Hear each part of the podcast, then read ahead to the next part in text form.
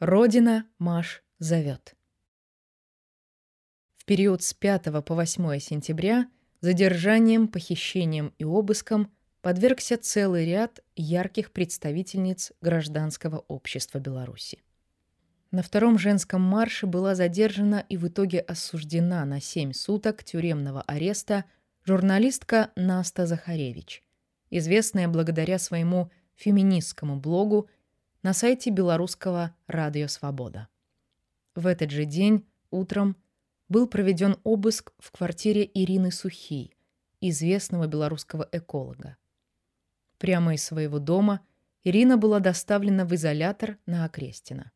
А 7 сентября с обыском пришли к белорусской художнице Наде Саяпиной, организовавшей еще в июне перформанс в поддержку эволюции и с тех пор регулярно создававшей арт-высказывания на те или иные темы, связанные с протестами. Надя Саяпина была осуждена на 15 суток за участие в коллективном перформансе, который был организован белорусским арт-сообществом 15 августа у стен Дворца искусства, Палаца мастатства.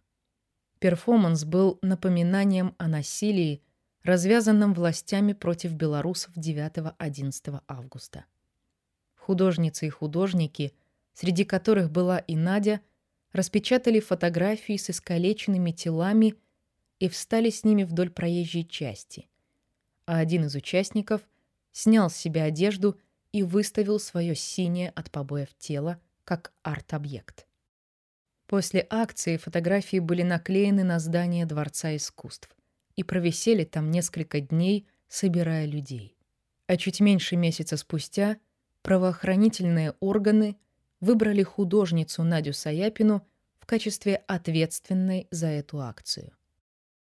Задержанным в этот период женщинам вменялось не только участие в неразрешенных акциях протеста, но и их организация, что свидетельствовало об изменении их роли в протесте в глазах режима. Утром 7 сентября в центре Минска была похищена Мария Колесникова. Мария не только входила в президиум Координационного совета, но и была очень заметной на многочисленных акциях протеста, в том числе и на воскресных маршах. 30 августа во время третьего воскресного марша она подошла к рубежу, оцеплению специальных машин и экипированных боевиков у Дворца независимости, со словами Берегите себя, ребята, мы вас спасем. Это видео, а также фото Марии, где она в легкой майке белого цвета показывает вооруженным мужчинам ее фирменный жест «сердечко», облетело белорусские и мировые медиа. В них прочитывался и вызывал невероятную симпатию жест уважительного отношения как к равным и к тем, кто попал по ту сторону баррикад. Признание того, что любой человек в Беларуси может оказаться заложником этой системы и поддерживать ее не только по злому или корыстному умыслу. Однако Мария Колесникова завоевала сердца людей уже задолго до этого, причем не только в Беларуси. Начиная с июня и до самого момента своего задержания, она регулярно выступала с посланиями гражданам Беларуси через YouTube-канал, остро и четко реагируя на то, что происходит в стране и как меняется политическая повестка. Она объясняла, как добиться честных выборов, пойдя в наблюдатели. Комментировала происходящее в стране и формулировала требования к властям. Обращалась к различным социальным, профессиональным и другим группам белорусов. Подводила итоги, указывая на то, насколько многого добилось белорусское общество и как много зависит от каждой и каждого из нас. Выражала поддержку разным людям и неизменно отвечала на многочисленные вопросы. Она демонстрировала, как важна для достижения и желаемых перемен поддержка, эмпатия и солидарность, а также оптимизм и вера в собственные силы. Ее фирменными фразами, которые регулярно воспроизводились в разговорах и средствах массовой информации, были «Мы, белорусы, мы невероятные» и «Мы должны долбить, долбить, долбить этот режим. Послания Колесниковой настраивали на то, что борьба за демократию в Беларуси может затянуться, и к этому нужно быть готовыми, причем именно всем вместе. Эти слова также были обращены к женщинам, о которых она говорила в далеком, как теперь казалось, 2017 году на выступлении на TEDx Нямига в Минске. Буквально еще несколько десятилетий назад вход женщинам в оркестр был запрещен. К очень большой радости все меняется. Меняется наше общество, меняемся мы с вами. У нас есть возможность понять, что голос каждого из нас может быть услышан. Это чудо. Когда мы объединяемся в маленькие или большие оркестры, когда у нас есть удивительная вдохновляющая цель творчества, мы создаем настоящие шедевры. Утром 8 сентября Погранкомитет сообщил, что ночью три члена Координационного совета Мария Колесникова, Иван Кравцов и Антон Родненков попытались покинуть Беларусь. Однако в Украине оказалось только двое мужчин, соратников Колесниковой по штабу Виктора Бабарика. В этот день уже из Украины Иван Кравцов и Антон Родненков рассказали, как происходило их похищение и почему Мария осталась в Беларуси.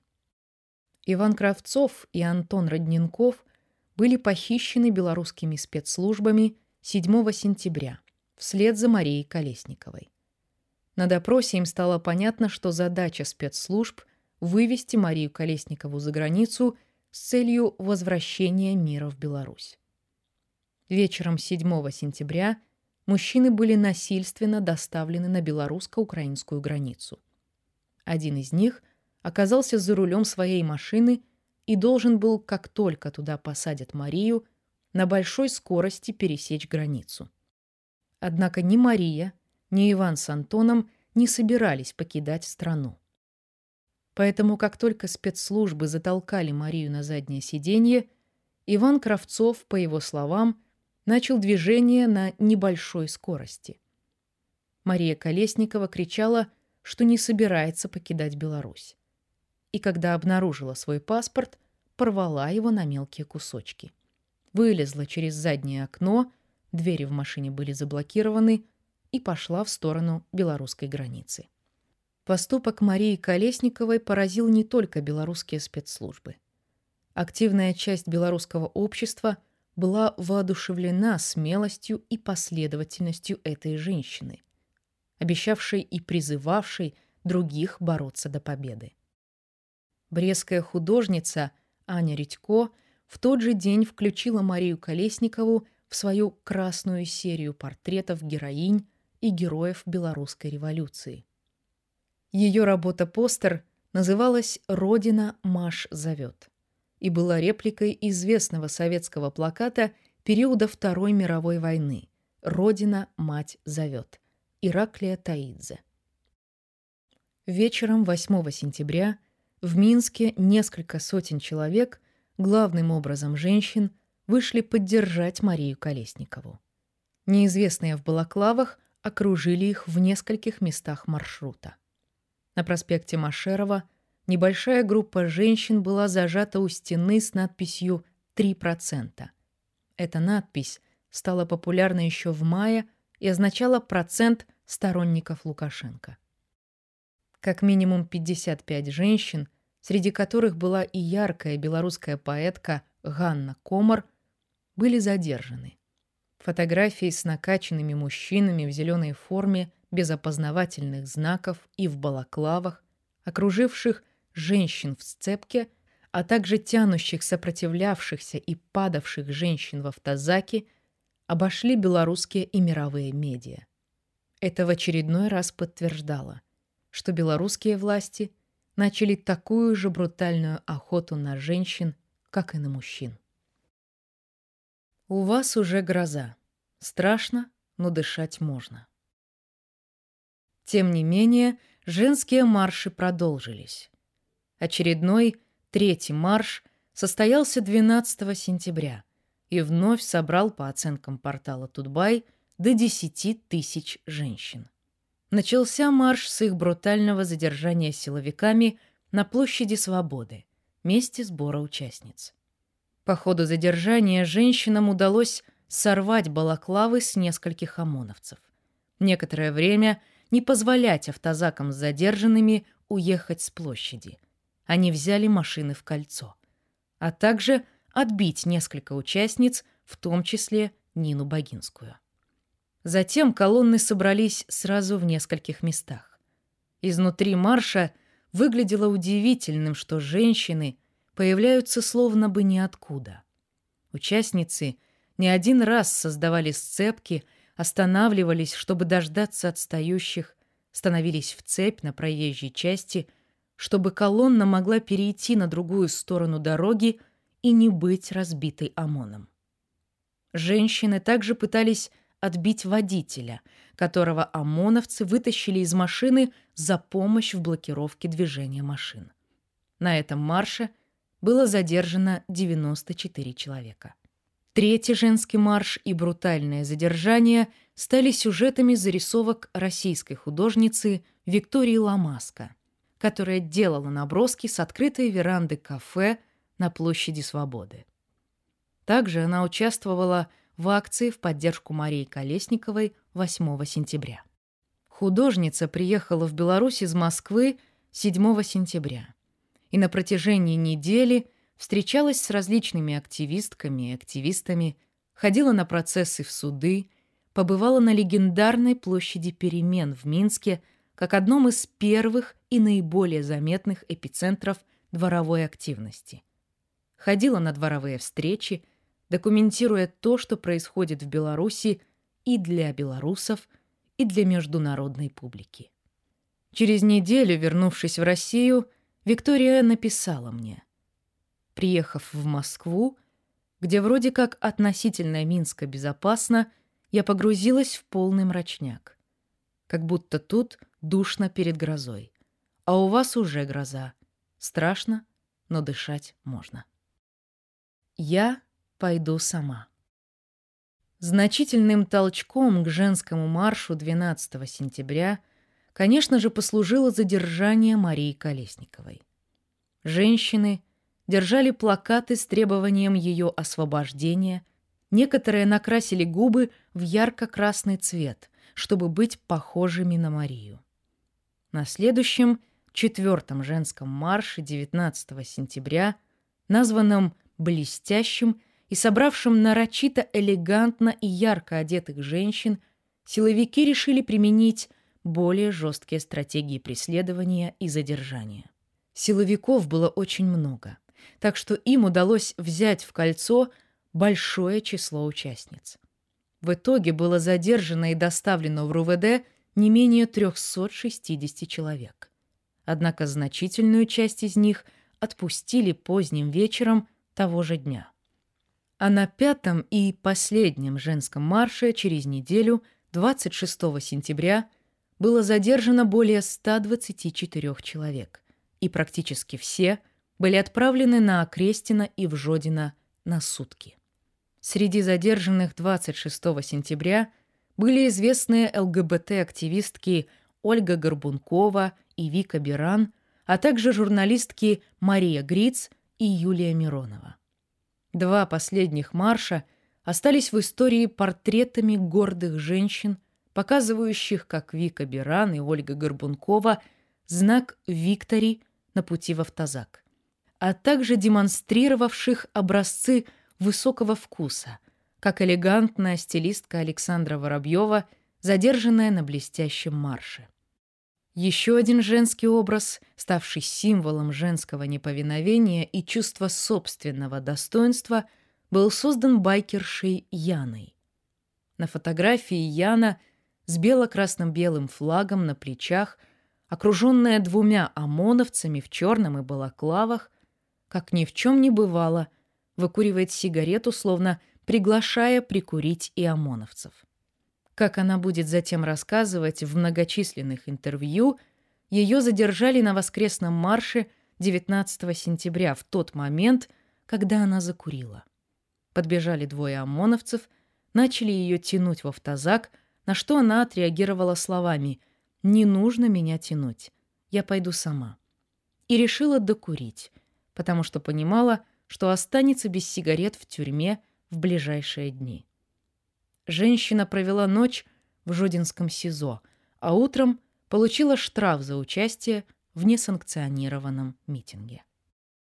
Здравствуйте, меня зовут Мария Колесникова. Я представитель штаба Виктора Бабарика. Если вы смотрите это видео, значит меня арестовали. Но я уверена, что мне сейчас не страшно. Надеюсь, что не страшно и вам. История о штабе Виктора Бабарика и о всех честных людях, которые хотят перемен к лучшему, это история со счастливым концом. Вернее, это бесконечное счастье – мы знаем, что Беларусь изменилась. Мы знаем, что перемены к лучшему уже наступили. Просто требуется еще немного времени и усилий для того, чтобы уже давно развалившийся драндулет перестал катиться по инерции. Вы знаете, что мы будем делать? Мы будем долбить, долбить, долбить эту власть всеми законными средствами. Она нарушает каждую норму избирательного кодекса. Она отказывает в праве на суд. Она отказывается принимать обращения. Она уже даже хватает и сажает тех, кто просто приносит письмо. Она стала полицейским государством. Разве это нормально? Отныне мы будем распоряжаться нашим временем, нашими правами, нашими деньгами так, как мы этого захотим. На государственной работе мы будем выполнять именно то, что должны делать. И фразу «вы же все понимаете» к нам употреблять больше не надо. Мы ее не поймем. Мы будем знать свои права, их больше не нарушить. Отныне мы будем знать, какие товары в магазине стоит покупать, потому что эти товары поддерживают нас, а какие не стоит, потому что их производители поддерживают власть или сами ей являются. Отныне мы можем не доверять белорусским банкам после всего произошедшего. У нас есть достаточные причины. Мы можем законно распоряжаться своими деньгами и вкладывать их в те вещи, в которых уверены мы точно не пропадем. А что будет делать государство, которое станет изгоем для собственных граждан? Что будет делать государство, которому граждане объявили бойкот?